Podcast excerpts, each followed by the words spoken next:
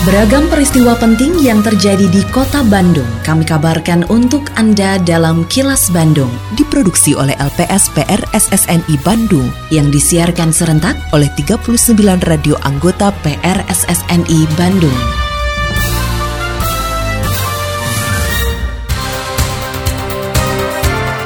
Sejumlah informasi aktual kami hadirkan untuk Anda dan inilah informasi utamanya tempat wisata di kota Bandung siapkan pos vaksin bagi pengunjung. Pengolahan sampah menjadi strategi penting upaya mengurangi kiriman sampah ke TPA. Cegah gangguan pencernaan penyakit pasca lebaran dengan mengatur pola makan. Saya Santika Sari Sumantri, inilah kilas Bandung selengkapnya.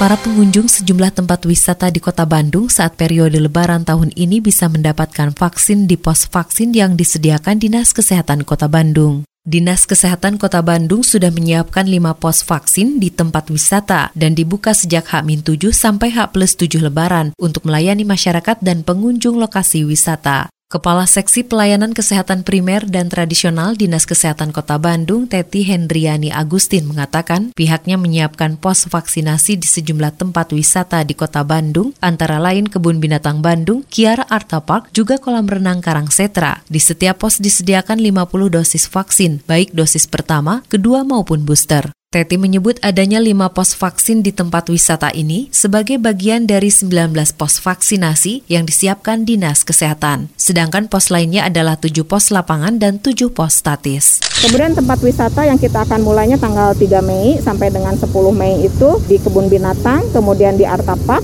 di PSM, di Saung Ujo, dan kolam renang Karangsetra. Nah untuk tenaganya sendiri kolaborasi antara tenaga-tenaga kesehatan di Dinas Kesehatan, baik itu dokter, perawat, kemudian ada driver, ada analis karena kita juga melaksanakan swab, kemudian tim vaksinasi juga ada bidan di situ di dalamnya. Ini kita meminta bantuan kepada organisasi profesi seperti IDI, IBI, PPNI, kemudian juga Patelki untuk analis, juga kita ke organisasi-organisasi lain. Satpol PP Kota Bandung selalu dilibatkan dalam operasi justisi terhadap para pendatang baru pasca Lebaran yang dilakukan oleh Dinas Kependudukan dan Catatan Sipil atau Disduk Capil Kota Bandung. Sekretaris Satpol PP Kota Bandung, Agus Priyono mengatakan, operasi justisi digelar untuk mencegah pendatang baru ke Kota Bandung tanpa tujuan yang jelas dan dikhawatirkan menjadi masalah perkotaan. Menurut Agus, selama ini para pendatang yang kena razia kependudukan akan diedukasi dan jika dalam kurun waktu tertentu tidak mendapat pekerjaan, maka diimbau untuk kembali ke tempat asal. Itu tentunya oleh Disduk Capil, tapi tentunya kita akan dilibatkan untuk mengantisipasi pendatang-pendatang baru ya. Jadi kalau operasi sebetulnya gini operasi seperti itu mah, kita untuk mengantisipasi jangan terlalu berlebihan yang datang tanpa tujuan yang jelas. Nah itu jangan sampai nanti di sini akan menjadikan beban Kota Bandung juga jadi beban pengangguran kan gitu. Yang udah-udah mah hanya diberikan edukasi saja. Jadi kalau tidak ada pekerjaan selama sekian bulan ya kita silahkan balik gitu. Jangan jadi beban di kota Bandung kan gitu.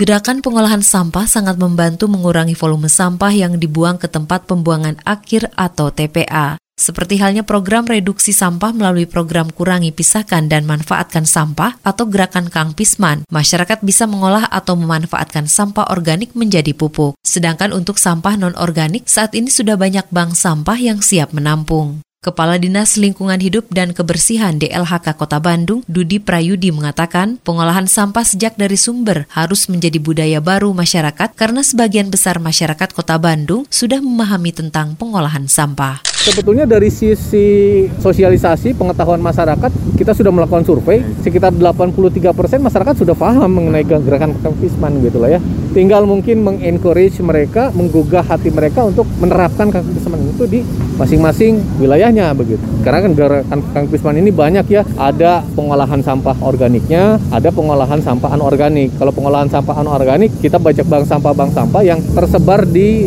seluruh kelurahan atau kecamatan itu sudah ada di masing-masing sekolah juga ada, di perkantoran juga ada. Nah itu juga mengurangi sampah yang dikirim ke TPA.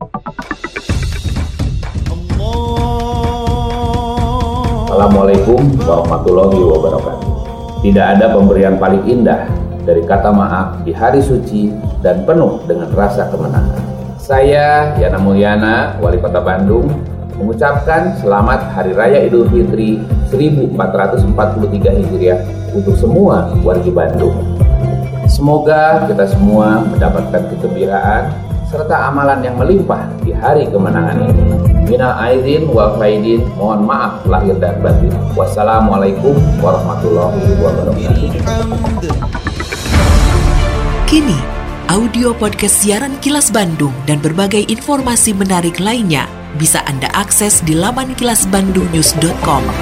Terganggunya saluran pencernaan menjadi salah satu penyakit yang biasanya banyak dikeluhkan masyarakat saat membutuhkan pelayanan kesehatan pasca lebaran. Direktur Perencanaan Organisasi dan Umum Rumah Sakit Hasan Sadikin atau RSHS Bandung, Muhammad Kamaruzaman mengatakan, kondisi ini terjadi karena pola asupan makanan yang berubah secara drastis setelah berpuasa selama satu bulan. Oleh karena itu, Kamaruzaman mengimbau masyarakat harus bisa menjaga dan mengatur asupan makanan sehingga tubuh tidak kaget saat kembali ke pola makan normal penyakitan ya pasien-pasien yang pasca lebaran ya baik itu yang terkait dengan tadi banyak makan yang segala macam itu biasanya larinya kan ke pencernaan ya penyakit dalam. Sekarang kita sudah uh, sudah mempunyai punya pola pelayanan seperti itu. Oleh karena itu memang pelayanan yang sudah objin, penyakit dalam, anak dan bedah. Ternyata kita juga punya dua tim lagi yang untuk menghadapi ini. Dan itu memang biasa menjadi pola pelayanan yang kita kita layani pada saat-saat uh, musim lebaran, musim mudik dan musim perjalanan ya menuju. Nah, kalau penyakit dalam itu kan biasanya banyak pencakupnya di dalamnya. Tadi yang saya bilang pencernaan, gastritis segala macam itu biasanya ada di situ ya.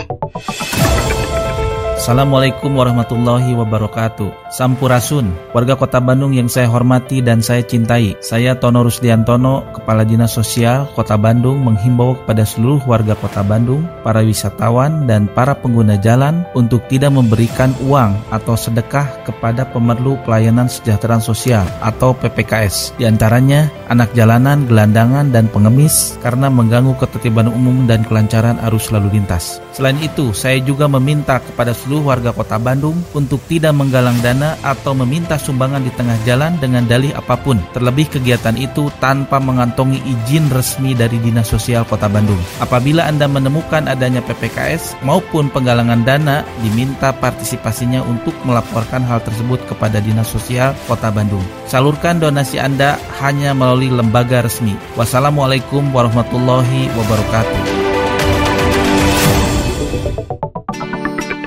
Assalamualaikum warahmatullahi wabarakatuh. Saya Kenny Dewi Kaniasari, Kepala Dinas Kebudayaan dan Pariwisata Kota Bandung, atas nama keluarga besar Dinas Kebudayaan dan Pariwisata Kota Bandung mengucapkan Selamat Hari Raya Idul Fitri 1443 Hijriah. Semoga di hari kemenangan ini menjadikan diri kembali suci, penuh fitrah dalam silaturahmi yang penuh berkah takobalahu minawa minkum syamana wa syamakum takobal ya karim wassalamualaikum warahmatullahi wabarakatuh Tetap patuhi protokol kesehatan di masa adaptasi kebiasaan baru untuk memutus penyebaran COVID-19. Selalu memakai masker, mencuci tangan, menjaga jarak dan menghindari kerumunan, serta mengurangi mobilitas agar terhindar dari terpapar virus corona. Terima kasih Anda telah menyimak kilas Bandung yang diproduksi oleh LPSPR SSNI Bandung.